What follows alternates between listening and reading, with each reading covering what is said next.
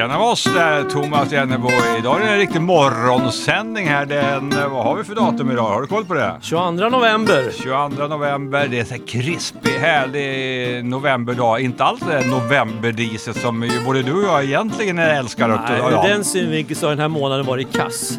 Det har varit alldeles för lite disdagar. Ja, fast å andra sidan kan man väl säga lite grann för oss som jagar 30 mil i november så har det ju varit eh, väldigt bra cykelväder. Jag ska, vi får väl återkomma till det här med 30 mil i november lite längre fram i kan programmet. ha det som en här. egen punkt, Ja, känner jag. kanske till, till och med som två punkter. Mm. En punkt Adamsson och en punkt Jennebo. Ja, men så kan vi ha. Vi har ju lite olika perspektiv på det där projektet. Särskilt den här månaden. Ja, det är ovanligt faktiskt. Mm. Det är lite historiska saker som har hänt med det. Men det kommer vi tillbaka till. Den håller vi lite grann på Mm. så här i inledningen av programmet. Sen har vi Christer Isaksson med oss också här live om, vad ska vi säga, men sju, åtta minuter kanske. Ja, då ska vi ringa upp Christer.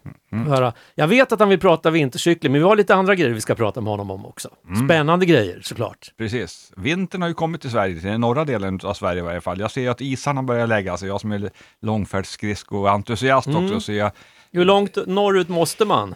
Ja, norra Dalarna så f- finns det lite is att åka på, men nu är det ju snö på ingången, så de sjöarna är nog rökta, men de stora vattnen ligger fortfarande och, liksom och vänder på sig. Vi, vet, vi måste ju vända på allt vatten så det här eh, fyragradiga vattnet från botten kommer upp till ytan. Först då liksom är, det, är eh, sjön redo för att lägga sig, som man säger på skridskospråk. Mm, Okej, ska det vara vindstilla eller ska det vara blåsigt när det lägger sig? Mm, ja, men det är ju vindstilla såklart och sen ska det vara högt i tak. Det ska inte vara molnigt. Är det sju grader eh, kallt och ett molntäcke, då blir det inte mycket till is. Däremot kan det vara nollgradigt och eh, högt i tak, då blir det is istället. Utstrålningen du vet, det är Ja, mycket med det där. Fascinerande, fascinerande. Men som sagt, det, ja, men vi får väl återkomma kanske i nästa avsnitt av Cykelradion och höra hur det går med skridskoskada och sånt. Ja, det får vi nog göra. Och cykel eh, är ju liksom det här egentligen som det handlar om. Och vintercykling vill ju Christer prata om och det brukar vi också prata om så här års ganska så ofta. Så det är mycket runt cykel. Jag tycker det pratas mycket mer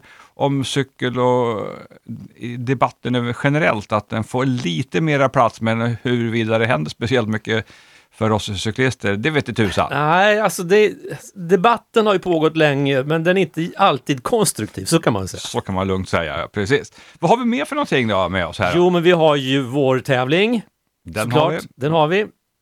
Eh, ja, det är väl det vi har. Dina projekt då? Jo, just det, men ska vi stämma av ett av dem direkt? Ja, har du något? Kör! Ja, men cykelgaraget Färdigt? är ju helt färdigt. Med gräs på taket, det är skjutdörr och jag är särskilt nöjd med, med själva handtaget som man öppnar skjutdörren med. Ja. Jag vet inte, du kanske inte tänkte på det. Det var ju så Ah. kallt, du hade bråttom in här i studion. Ja, precis. Men jag kan ju kolla på det när vi spelar någon låt här så får vi Mm, återkomma ja, med, med handtaget som, är, som Ja. en cliffhanger på Thomas Jennebos Ja. eh, projekt eh, Cykelförråd. Ja. Jag kan ju säga så här, om du tittar på det där dörrhandtaget, inte i studion här. Som är en mick. Ja, en mikrofon. Ja. Det är jag ganska stolt över. Ja. Eh, Det här andra, det är i samma nivå kan man säga, i samma härad. Ja, ja, ni är mycket för sådana här speciella handtag här ute i Hampetorp har jag lagt märke till, åtminstone på, i, i era domäner. Ja, ja men när du säger så, vi har ju ett annat lustigt handtag. Ja, just det. ja, verkligen. Ja, så är det. Men du, ska vi köra en låt och sen ringa upp Christer? Mm, han är på hugget. Det blir ju en live-intervju med Christer.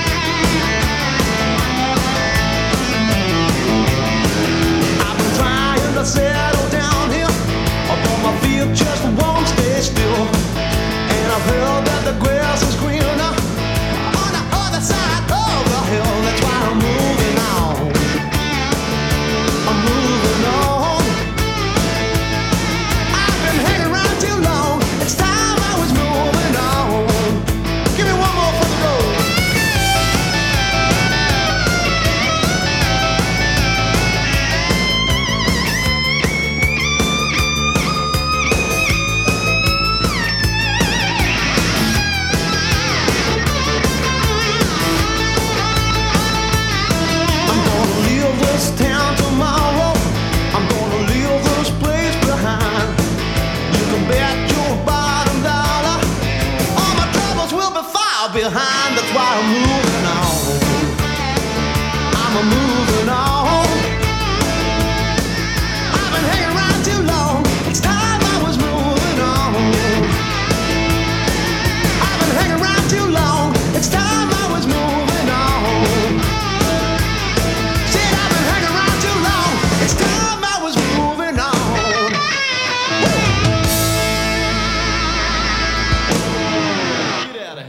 Gary Moore, Moving On. Jag tyckte väl det. Ja. Du, nu har jag varit ute och kollat här på eh, cykelförrådet här. Det är ju bara några meter härifrån. Du kan vara nöjd med det handtaget tycker jag. Det är en mikrofon som sagt var in till studion här på det handtaget. Och på ett cykelförråd så har man ju såklart en gammal helig ringklocka som man håller i när man drar den här skjutdörren åt sidan. ja, eller hur? Visst Ja, vi, det? ja, snyggt och fint. Fyra stycken cyklar utplacerade på ett bra sätt där. Så rena och fräscha ut också tyckte jag. Ja, nu är det ju mörkt där inne så att du såg inte den där orangea grusvägscykeln. Den är inte riktigt presentabel egentligen. Men jag har ju en, mycket återkommer, jag har en liten sväng kvar innan jag ska tvätta den. Och skulle det krisa ordentligt för dig någon gång så att det börjar frysa grejerna, då kan du ta, ta in det i varmgaraget Ja. som är dörr i dörr så att säga. Exakt. Du, jag ringer Christer Isaksson här. Mm, får vi höra. Ni vet Christer Isaksson, eh, cykeldebattör deluxe, eh, är kanske den som syns och hörs allra mest i debatten och den som också har kanske största påverkansmöjligheten. Jag ser om han svarar. Får vi se. Christer Isaksson. Hallå Christer, det var cykelradion här. God morgon, god morgon. God morgon Christer! Hej Anders. Allt väl? Allt är bara bra här i Hampetorp. Det är minus fyra grader utanför studion här och när jag åkte hemifrån Örebro så var det minus sex. Men det, ja, det är vintercykling på gång ordentligt. Ja, det kan man lugnt säga. Kallt. Hur, hur är det hos dig då? Ja, det är ungefär liknande. 6 minusgrader, eh, lite sol faktiskt och sådär. Så att eh, det är lite bistert och lite sån här, vad ska vi kalla det, frosthalka också. Så man får eh, vara lite observant och försiktig. Är det dubbdäck på så här års då eller? Ja, jag är sån här som... Eh, det är ju väldigt tråkigt att cykla med dubbdäck tycker jag. Så att jag börjar med framhjulet. Eh, för att det, det är ju där man inte vill tappa greppet. Va? Och, och, så har, jag mer ett, eh, vad ska vi kalla det, crossdäck där bak då, om det kommer lite snö. För att det, det är så eländigt att trampa med dubbdäck. Mm, jag är ungefär likadant på mig. Jag, jag brukar nöja mig med bara framdäck hela säsongen faktiskt. Det brukar inte bli något dubbdäck bak på. Men eh, visst är det skillnad med här med dubbdäcken gentemot att inte ha dubbdäck. Ja, det är slitigt. Jo, men jag kan tycka så här att dubbdäck på cykel, det gör ju tio gånger mer nytta än dubbdäck på bil. Alltså man Ja. känner, man känner verkligen, alltså det går ju som på räls med dubbdäck på cykel. Ja, marginalen ökar ju, det, det är ju helt klart. Men, men vad ska vi kalla det, cykelglädjen, den, försvinner lite kan jag tycka. Ja, men å andra sidan så brukar jag känna så här. Dels försvinner liksom det här med att det går lätt och fint, för det gör det ju inte med dubbdäck på. definitivt. Men sa- samtidigt tänker jag, fan jag kan cykla fast det är vinter ute utan att liksom känna att jag haschar hit och haschar dit. Va? Absolut. Alltså jag har ju förmånen att ha osandade men plogade, osaltade grusvägar att cykla på på vintern. Alltså en härlig vinterdag med några decimeter snö och de här stenhårda packade vägarna och dubbdäck. Alltså det, är- det är Mm. ganska ljuvligt och en lågt stående vintersol på det. Mm. Och sen slår du om till plusgrader och vad händer då? Ah, men då tar man upp någon gammal cykelfilm på tvn och sitter hemma i soffan. ja, och så fryser det igen och så vidare. Det är liksom det där som är Ja, men man lite må, av elände. ja det är Ja, det det vardagseländet i det, men, men, det där för minnet är så skönt att plocka fram de, den där fantastiska dagen som Thomas hade 1984. Sen ungefär. Va? ja visst, de där underbara vinterdagarna och när det är en jämn temperatur, de, är, ju- de kan ju vara alltså, helt fantastiska. Det, det kan man ju inte... Men det här vardagscyklandet, då vill man ju liksom ha, eller i varje fall jag, tillförlitlighet, framkomlighet, trygghet och så vidare. Ungefär som vi vill när vi kör vår bil till och från jobbet eller när vi åker kollektivtrafik. Va? Då, då är det ju det som gäller. Det här andra, det är ju det är någon det är mer fri, fritidscyklandet, njutningen och upplevelsen. Va? Så att, ja, det, men det är underbart alltså att de finns nu och det är bra dubbdäck så att man faktiskt höjer marginalen och säkerheten. Det, det är härligt faktiskt. Men Christer, på tal om marginaler och säkerhet och sånt. Vi har ju diskuterat jättemycket genom åren det här med eh, en och en halv meter till avstånd till cyklister vid omkörning. Nu är det lite grejer på gång va? I det där. Ja, fallet. det är ju många som har jobbat för så att säga, förändringar och skärpningar av, av, av trafiklagstiftningen och eh, nu har ju regeringen eh, gett Transportstyrelsen i uppdrag eh, jag är, vad ska vi kalla det, försiktigt positivt, positiv. Eh, vågar inte ropa hej ännu, men de ska alltså analysera och vid behov Transportstyrelsen lämna förslag till hur eventuellt ändrade trafikregler kan, kan främja säkerheten vid omkörning av cyklister.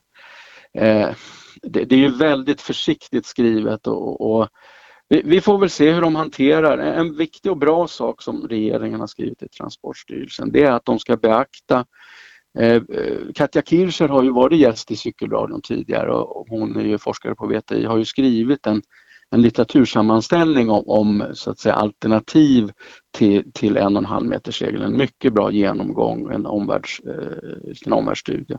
Och att den ska Transportstyrelsen beakta i det här arbetet och ha som utgångspunkt. Och, och det är ju en, vad ska säga, en lovande skrivelse och att de också ska, eh, vad ska vi säga, lyssna med VTI och forskarna där. Och, och det, det borgar ju för en viss, vad ska vi säga, kvalitetssäkring förhoppningsvis.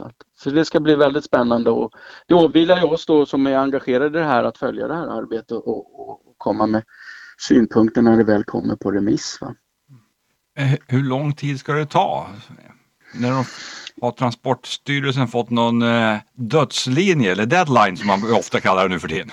ja, jag har för mig att det, det var ju flera utredningsuppdrag i det här uppdraget regeringen gav. Och om jag inte minns fel så den här och några till, eh, cykling mot enkelriktat och eh, svänga höger vid rött har jag för mig skulle eh, levereras i mars eh, nästa år. Och, och, det handlar ju om att eh, sittande regering vill i varje fall få ut någonting innan valet.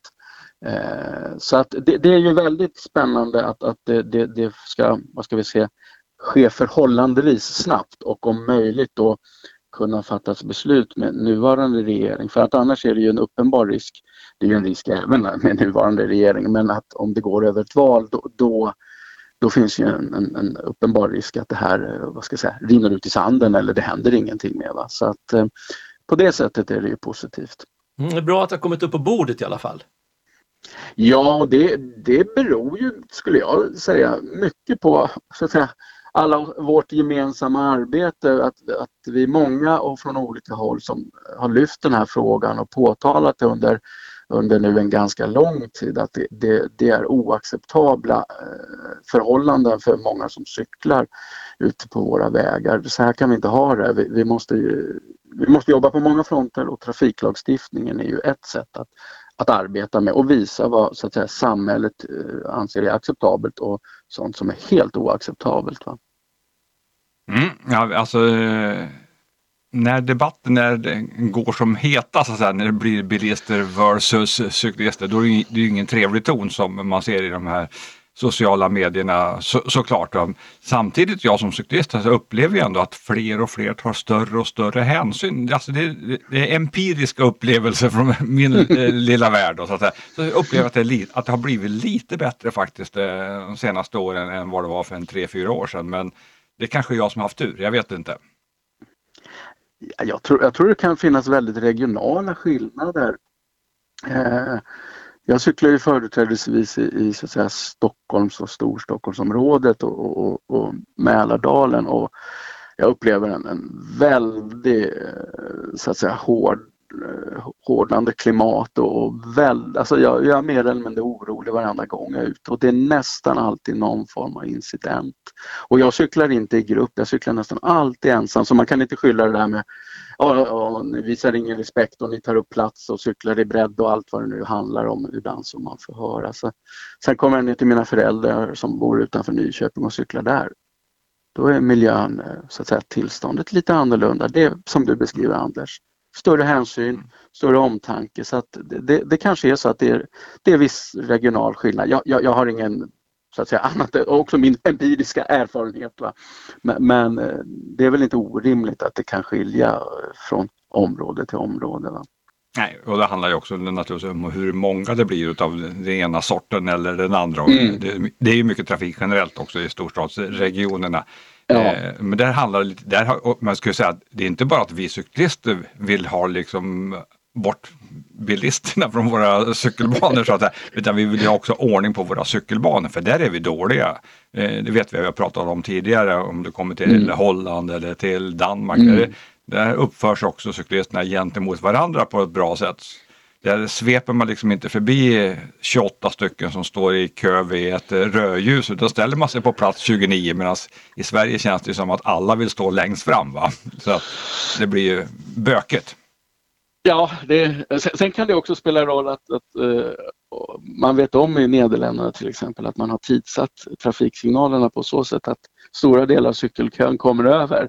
Medan i, i Sverige är det inte alltid så att cykelkön kommer över på grund av att man inte anpassar. Och, och då vill alla längst fram för ingen vill stå och vänta till nästa omlopp. Så är det såklart. Så att, ja, det, det, det finns massor med, med, men självklart har, har vi så att säga alla, så oavsett vilket fordon vi framför har vi ju så att säga ett, ett grundläggande ansvar att bete oss ganska hyfsat mot eh, varandra och, och, och, omgivningen så att, vi, så att vi får det här att funka. Det, det är ju, för mig är ju trafik, trafiksystemet det är, det är en kollektiv sak. Alltså att det, det, är inte en enskild individ primärt som systemet är uppbyggt för utan det är ju för att det kollektivt ska fungera för de olika trafikslagen och det grundar sig ju på att man så att säga någorlunda respektera gällande trafikregler och varandra, då, då, får man ju så att säga bäst och säkrast funktion i systemet. Ett, ett tips är väl också att eh, man som cyklist i Sverige gärna provar på att cykla till exempel i Danmark, i Köpenhamn. För då lär man sig i alla fall den hårda vägen, vilket jag har gjort, att den här svenska cykelkulturen den kanske inte riktigt funkar i Köpenhamn. Alltså man är verkligen kusinen från landet och lite alltså buse nästan om man cyklar svenskt i Köpenhamn. Ja visst är det så att vi, vi, är ju inte alls, eh, om man då tar Danmark och Nederländerna, det är ju inte de volymerna av, av cyklister som, som det är där. Och, och skulle, precis som du säger, skulle du bete dig på det sättet som du beter dig i Sverige, där det finns så att säga den, det utrymme, den möjligheten på grund av att vi är inte så många som de är. Du skulle ju omgående få, vad ska vi kalla det, eh, till, eh, folk skulle be dig fara åt helsike för att du inte så att säga eh, följer den kultur som finns där. Jag säger inte att den är bättre eller sämre men, den är ju som den är på grund av att de är väldigt många som förflyttar sig och de förstår ganska väl att om, alla visar varandra stor hänsyn och respekterar systemet då kommer så många fram så bra som möjligt. Va? Det, man, man tjänar inte på att bete sig som, eh, liksom, som vi gör i, i många delar av, av Sverige. Det, det, det, funkar liksom inte medan här finns det utrymme. Medan jag ser i Stockholm då där det är otroligt mycket som folk som cyklar nu. Att det, det börjar komma det där beteendet att, att man förflyttar sig som en, man kan nästan säga som klungor. Eh, och när det finns tillräcklig bredd på cykelbanan då, då, är det några som håller sig till höger som cyklar lite långsammare och de som cyklar till vänster de cyklar om och man visar varandra förståelse och hänsyn. Så att, bra förutsättningar, lite mer erfarenhet och rutin och så vidare. Då, då, vi kommer dit, jag är helt övertygad om det. Det blir bättre. Ja, om, om vi vill. Alltså, det, dels måste ju förutsättningarna finnas. Alltså, lika omsorgsfullt som vi hanterat biltrafiken i vårt land. Om, om vi börjar hantera cykeltrafiken på det sättet, lär av de som är mest framgångsrika, då kommer det här beteendet. Då, då, då kommer, och då, man ges också förutsättningarna, spelreglerna, arenan är tillrättalagd efter ett bra beteende. Det, det är ju jätteviktigt. Skulle vi hantera biltrafiken på samma sätt som vi hanterar cykeltrafiken, då skulle vi se oss bilister bete oss fruktansvärt. För att vi vill ju fram. Det är ju det som är grunden med förflyttning. Och ges man inte förutsättningar att komma fram, då löser man ju det själv. Och det är inte så bra för kollektivet. Nej. Men man vill ju fram. Och det är det det egentligen handlar om. Lägg förutsättningar till rätta. Då kommer det andra. Det, det, det är liksom, du tjänar inte på att börja bete dig illa då. Eh, så att det, det, men det tar ju lite tid att, att lägga de här sakerna till rätta, men vi kommer dit. Du menar att man tjänar ingenting med att, att tuta med rak arm? Nej. Den, den är en hopplös. Okej, okay, då lägger vi av med det. ja, det är bra. Eh, Christer, stort tack för att du var med i Cykelradion den här morgonen. Ja. Och ha det, gott, har det gott nu i mm. Eh, vinterkylan och den lågt stående novembersolen. Absolut. Ha det gott själva. Hej då! Hej då!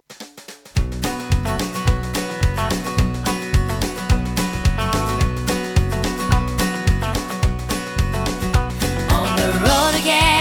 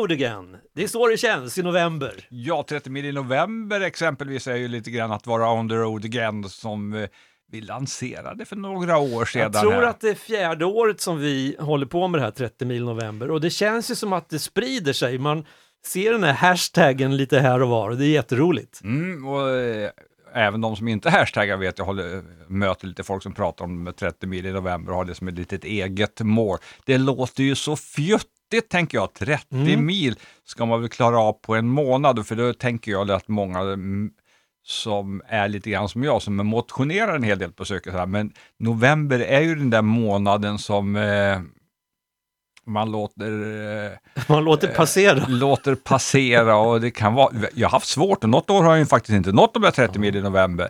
Men eh, 2021, eh, då ser det ut som att både du och jag fixar det där Thomas. Ja, det ska väl mycket till. Man ska ju inte jinxa som det heter nu för tiden, men det ska väl mycket till. Du har bara några kilometer kvar. Ja, inte ens det, några hundra meter Några och det är ju bara 22, så det är klart att jag fixar det. Och vi har ju sagt så här, alla, alla mil räknas, alla kilometer räknas. Även när du åker till affären och handlar Mm. så får du sätta upp de där kilometerna. Det, blir några kilometer ganska snabbt. Ni, ni som har följt cykelradion genom åren vet ju att jag hade en sån här mätare på härom, år, härom året, ja det börjar bli 6, 7, 8 år sedan snart, där liksom jag mätte hur mycket cyklade jag, liksom vardagscyklade jag på min vardagscykel på ett, ett år. Då hade jag bara en kilometer till mitt jobb. Uh, lika fasen fick jag ihop en 150 mil på ett år att bara liksom använda cykeln inne i, i stan. Då, så att, eh, det, det går bra. Men 30 mil i november, för mig har det ju varit en, en eh, vad är det de säger, ganska så enkelt att fixa det. Piece of cake, nu vi pratar liksom den nysvenska då. Därför att jag råkade, det hade jag ingen tanke på egentligen, men jag råkade befinna mig i Spanien i början av månaden här. Förvisso inte på något träningsläger eller cykelläger, men passade såklart på att cykla lite grann. Och då rasade det på med kilometerna ganska så ordentligt. Så huruvida det ska räknas till fusk eller inte, det vet jag inte, men jag har åtminstone så när som på 200 meter nu fixat mina 30 mil i november. Så det kommer jag fixa den här gången, så det är härligt. Mm, Jag har ju 15 kilometer kvar vid det här laget. Fast jag är lite sådär, jag funderar själv, har jag 15 eller har jag 17 kvar? Därför att Du har ju gått två. jag, jag har gått två kilometer Ja, i, i lördags. Ja, då har du 17 kvar Thomas. Ja, Fast jag gick ju med cykel. ja det, det kan ju liksom inte räknas. Nej, nej, jag får nog köra de där 17, men man ska ju cykla faktiskt. Nej, men jag fick ju punka, jag får aldrig punka. Aldrig, alltså det, det är säkert fem år sedan jag hade punka på någon cykel senast. Men nu fick du det. Nu fick jag punka. Och då satt jag, det, ap apropå då, jag satt och tänkte så här, jag kör grusväg sista biten för att slippa åka på den där 52an så mycket som möjligt. Då. Du körde fincykel alltså? Fin racer. racer, ja, det har ju varit kanonväder för racercykel Mm. här ett tag. Och så in på grusvägen tänkte jag, den här grusvägen, den är ju bättre nästan än asfalt. Du vet, den är helt slät, den är alldeles och stenhård. Ja. Eh, och så hann ju knappt tänka tanken så, tuk, tuk, tuk, så var ingen luft i framdäcket såklart. Okej, framhjulspunka. Det är Fram- ännu ovanligare. Ja, när hände det senast? Det tror jag aldrig jag haft. ja, säkert. Någon gång. Någon Men det var säkert länge sedan. Ja, nej men precis. Nej men så att det där var ju lite, och då hade jag två kilometer kvar hem. Tänkte, ska jag börja fippla och byta? Nej, jag går hem. Så walk of shame i cykelskor. och så möter man folk som är ute och rastar sina hundar. Ja. Och så gäller det att försöka se ut som att så här brukar jag göra. Ja, men då kommer du fråga, höll du i sadeln eller höll du i styret? Jag höll i sadeln. Bra Thomas! För en riktig cyklist leder sin cykel genom att hålla den i sadeln, inte för styret. Nej, men, Det är och då man liksom känner som om man styr den liksom så Ja, snyggt ja. med sadeln. Ja. Och, alltså, och jag gick och faktiskt njöt av att jag kunde ha hjälmen hänga på det högra, högra växelhandtaget Ja. fram och ändå styra cykeln i sadeln. Det går jättebra. ja, det, och det ser lite elegant ut. det är ju det är där det är och ni vet man ska ju vara elegant när man cyklar brukar vi säga. Va? Så det är bra, men eh, jag noterade också, liksom, och jag sa innan sändningen här, undrar om det inte här är första gången i Jennebos dryga 60 års leverne där han har cyklat tre pass i november månad över 50 kilometer. Kan det stämma? Det stämmer helt. Det är första gången i livet Ja. som jag gjort det. Men du hade ju också ett en, lite annat upplägg här med tanke på att du är eh, indisponibel i cykelsammanhang eh, den sista veckan. Ja, sista veckan ryker för jag jobbar på annat håll och kommer inte ha möjlighet om jag inte ska cykla på sena kvällar och kunna cykla. Så jag var tvungen att vara, vara klar egentligen under som den här veckan som jag är inne i nu. Då. Eh, Och så började jag ju ganska beskedligt med små korta turer på en damcykel, sådär en mil.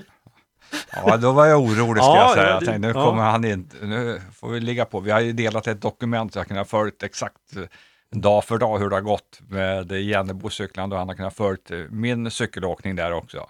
Men, men det, jag hade en plan så att eh, sen att det blev de här tre 50 kilometers turerna under en vecka, det kanske inte var riktigt tänkt från början, men jag insåg ju, det var en dag, det blev fint väder, var, vägen var torr och det var så här 4-5 plusgrader, nej men jag tar räsen. Och, då, och sen fick jag ett förslag från någon att jag borde göra en tabell, för då får man 52 kilometer på en racercykel till samma ansträngning som 35 kilometer på en enpetare på grusvägar. Ja, ja, och 18 med damcykeln Ja, ungefär. men va? precis.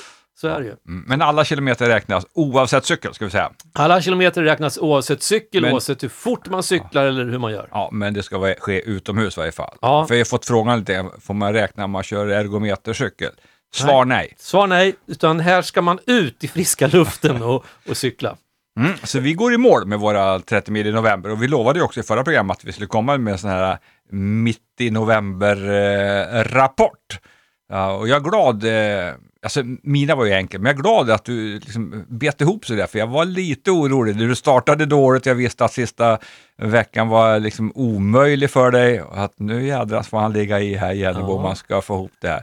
Och sen är det ju lite svårare naturligtvis, man bor på, eh, som du gör, du bor ute på, som vissa är det som bor i stan, du bor lite ute på landet. Alltså du får inte den här vardagscykelåkningen på samma sätt. Nej. Du har ingenstans att åka och göra vardagsbestyr. Nej, jag har ingen att åka till. Nej. Alltså jag har faktiskt gjort en, en, en riktig vardagscykling. Jag åkte och hämtade ett paket. Okej. Ja, ett Ja. litet paket i Odensbacken. Ja. Så att då, då blev det ju, eftersom jag inte kan vill cykla landsvägen utan får cykla då den cykelvänliga vägen. Istället för 10 kilometer till, till affären och postutlämningen så blir det ju typ 15 kilometer man får åka en liten Ja. sväng. Men då fick jag ju tre mil där Ja, det och ju- hämta ett paket. Det tycker jag är bra. Ja, det är jättebra Ja. naturligtvis. Det är ju lite mer än vardagscykel menar jag. Det är ju ändå Ja. tre mil. Var, när jag tänker vardagscykel, det är med fyra, fem Ja, kilometer. då, det, jag kommer ingenstans. Det vet, du vet när man räcker upp handen vid köksbordet, men jag kan åka och hämta Ja. det där som vi har glömt. Jag kan sticka iväg och köpa en extra liter mjölk och sådär. Då får man liksom en och en halv kilometer här och en och en halv Precis. kilometer. Det liksom blir nästan omöjligt. Det här. finns inte här. Nej. Det finns inte på kartan. Så att, eh,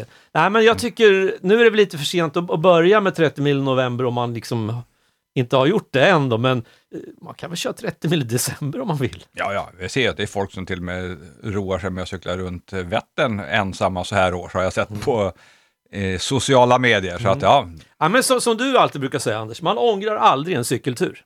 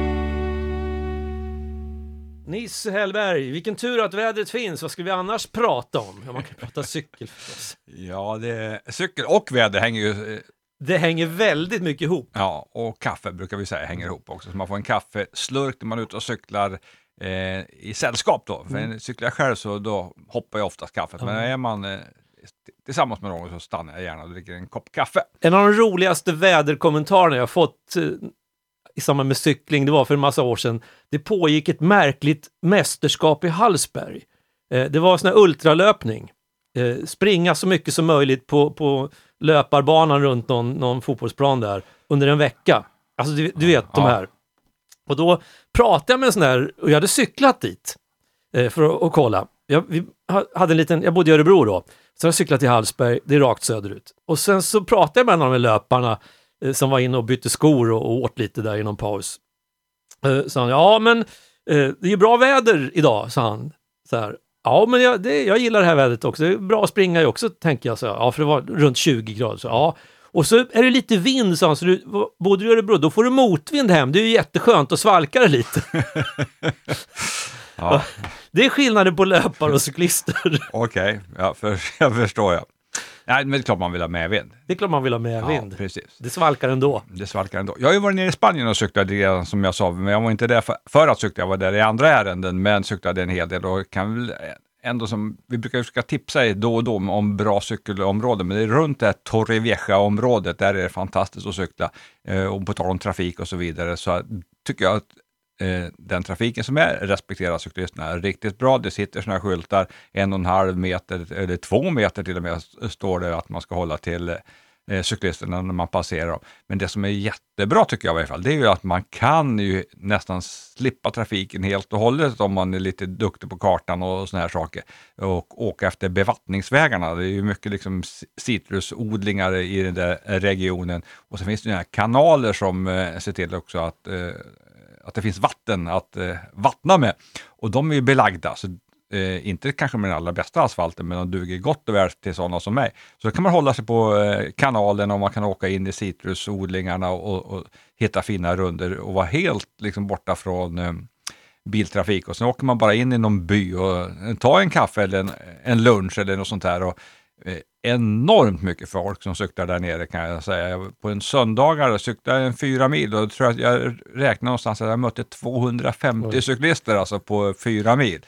Och det är klungor på 50, 60 och 20, 30 och 10 och en och en, en annan som kör ensam och så vidare.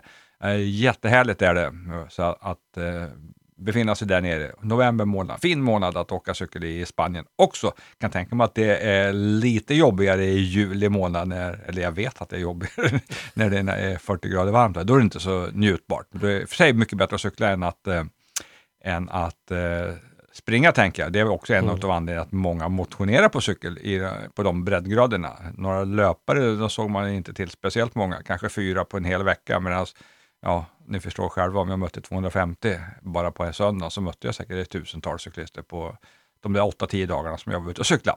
Ja, det var om detta det, men du eh, Thomas, eh, vi ska vara en tävling också. Mm. Eh, Och jag tror att jag kan, för omvecklingen skulle kunna väva in nya tävlingen i en liten story runt omkring det. Nej men vad roligt, vad kul, det ska bli för en gångs skull. det ser vi fram emot. Förra tävlingen då, Mm. kommer du ihåg vad du ställde för fråga? Ja, det var ju det här med vem det var som anses ha fått liksom credden för att eh, vi har luft i våra, i våra däck. Mm. Mm. Och det var en eh, veterinär. Det kan du tänka dig, ja, precis. Eh, vid namn Dunlop, ni vet. Eh, Dunlop-däck känner ni säkert igen. Precis, så det var ju hans fel då att jag fick gå hem häromdagen. Ja, Hade han inte uppfunnit det luftfyllda däcket då hade jag inte fått punka. nej, men då har du å andra sidan inte fått gått och fört din cykel hållandes eh, den, den i sadeln. Nej, och förmodligen har jag inte cyklat 52 kilometer i november med trädäck. Ja, eh, var det några som klarade av det där då? Det var jättemånga som klarade. Det var väldigt gott om, om svar och fantastiskt roligt. Vi ska, jag tror, till något cykelradioavsnitt ska vi samla ihop en massa stories som vi får i samband med de här svaren. För det är så mycket roliga och kul grejer som, som dyker upp den här vägen. Så vi ska göra sån här summing up känner jag framöver någon gång. Den är värda. Absolut att ni är. Och eh, vi har ju, vi har ju vår tombola så att vi smackar väl igång den får vi se. vad den stannar på. Och där stannar den hos eh, Mattias Lager i Uppsala.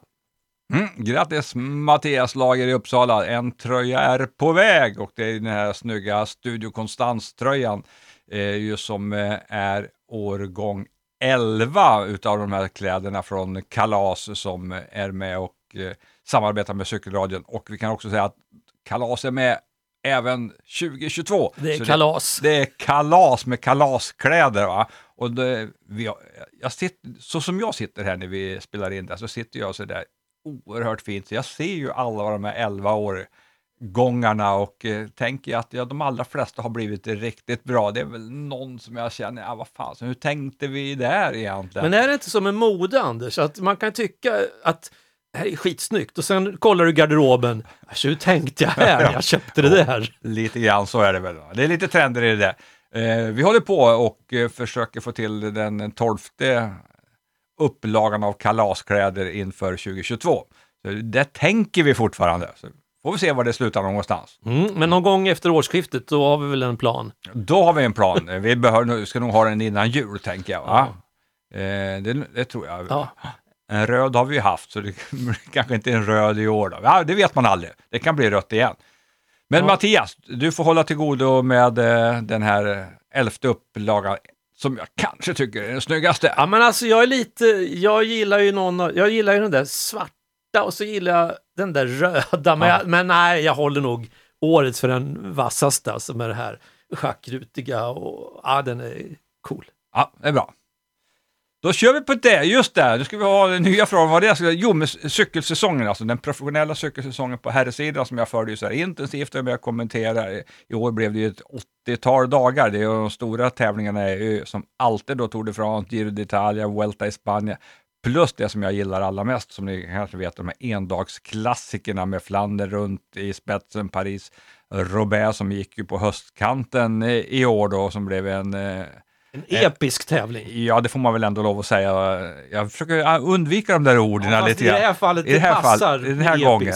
Annars tycker ju folk till och med att en vanlig jäkla soluppgång är magisk, men det är inte en vanlig får vara det. Det ska vara något alldeles extra om den ska vara magisk, och framförallt om den ska vara episk. Men Paris-Roubaix var väl egentligen det, den här upplagan, för det var en grym upplaga av Paris-Roubaix som vi fick vara med om. Endagstävlingarna gillar jag allra, allra bäst kan jag säga.